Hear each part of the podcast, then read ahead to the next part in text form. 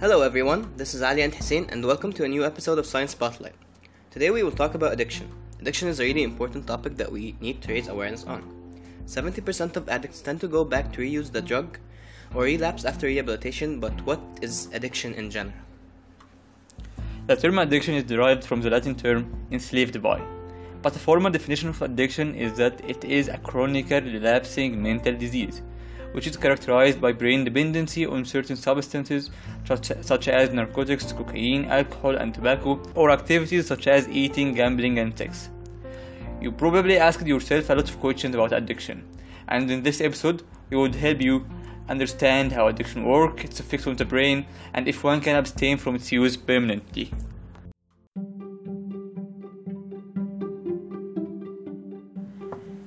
As we mentioned before, addiction is dependent on substances such as drugs or activities such as gambling. But how do people become addicts? It's a simple process. You do them by choice, but the first time you do drugs or any addictive activity, they interfere with the normal daily brain activity. As we know, the body is made up of cells, but there is a special type of cells located in the brain, which are called neurons. Neurons' main function is carrying and transmitting signals throughout the brain using neurotransmitters.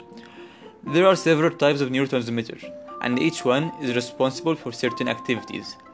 But scientists have linked a number of them to, to addictive activities. Namely, they link dopamine, serotonin, and endorphins. The mechanisms of substances on the brain are three agonists, antagonists, and reuptake inhibitors. Agonists are types of drugs that enhance brain activity by overstimulating it with neurotransmitters. An example of agonists is cocaine. Cocaine overstimulates the neurotransmitter dopamine. An example of an antagonist is morphine. But what is an antagonist? An antagonist is a type of drug that blocks specific receptors and inhibits the movement on, of neurotransmitters. So, what does morphine really do? It blocks pain receptors.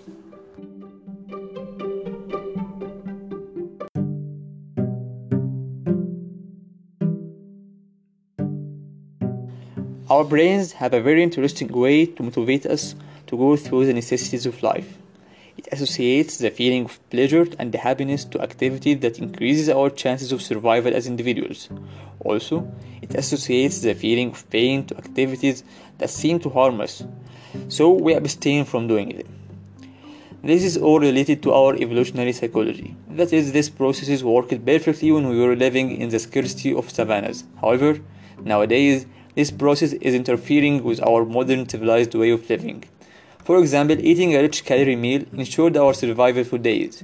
But now, in this time of abundance, eating multiple of those meals contributed hugely to this obesity epidemic. The exact same process, positive reinforcement, explains how addiction works. As we mentioned a few minutes earlier, substances interfere with how the brain works. In particular, most of those drugs overstimulate the brain with dopamine, which is considered the chemical of happiness. So, our brains associate excessive amounts of pleasure and joy to those addictive drugs or activities.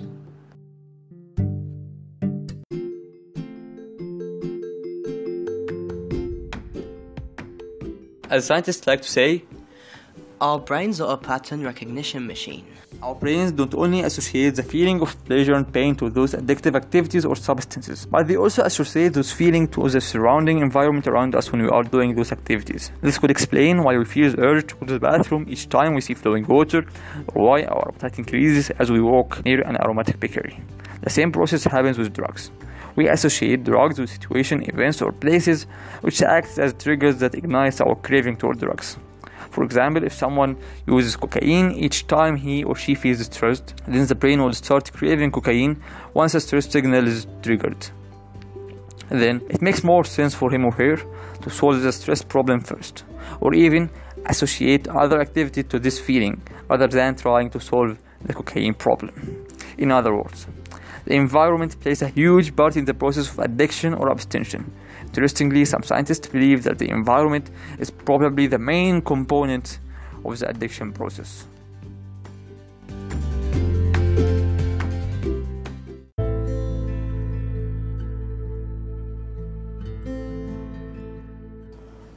Aside from the triggers that induce addictive behaviors, psychologists believe that environments, communities in which people are isolated, make people more vulnerable to addiction. They designed a very simple and interesting experiment. They built a small cage for a rat. Inside it, they put a source of normal water and another one contaminated with cocaine. Yes, as you might have guessed, the rat became an addict to cocaine. However, they developed another big cage with so many rats, games, and the same settings of normal water and drugged water. The result was astonishing. Most of the rats tried both the water and the drugged water. All of them avoided drinking from the drugged water and drank the normal water, so they could continue playing with their peers. In other words, social isolation and the avoidance of social interaction are huge contr- contributors to one's vulnerability to addiction. Those findings shouldn't be astonishing.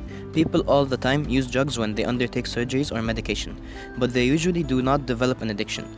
This could only be explained by the nourishment and support those people experience in those times of illness, due to the brain creating a different association of the feeling with something else rather than the drug. There is no development of addiction.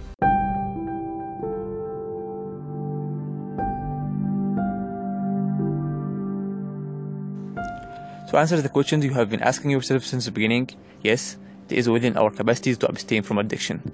Indeed, abstention would be an extremely hard process in the beginning.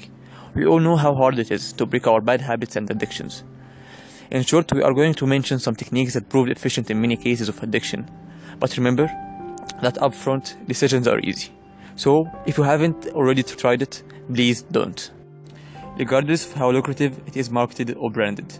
Because as we have explained, it makes lasting changes, and that is why, in the first place, we said that is a chronically relapsing disease. However, if unfortunately you are already addicted to any of those drugs, there are two main approaches that you might follow. First, medication. There are different types of medications. One of them is immune based vaccines, which stop the effect of those drugs and consequently make them useless or ineffective. Side effects to these medications are minor, like slight fever, chills, fatigue, and nausea, but that is a result of depleting your body from the drug, and that's why most drug users who want to stop their addiction refuse this treatment. Secondly, we have the cognitive behavioral approaches, which include mindfulness meditation, which is a mental training practice that involves focusing your mind on your experiences, like your own emotions, thoughts, and sensations, in the present moment. Then there is CBT, which is short for cognitive behavioral therapy. CBT is a form of psychotherapy that focuses on how a person's thoughts, beliefs, and attitudes affect their feelings and behaviors. If you are seeking immediate help, you may contact the nearest hospital that will provide you with rehabilitation programs. We hope you guys have enjoyed this episode of Science Spotlight. This was Ali and Hussein. See you guys on another episode of Science Spotlight next Thursday, only in AC Podcasts.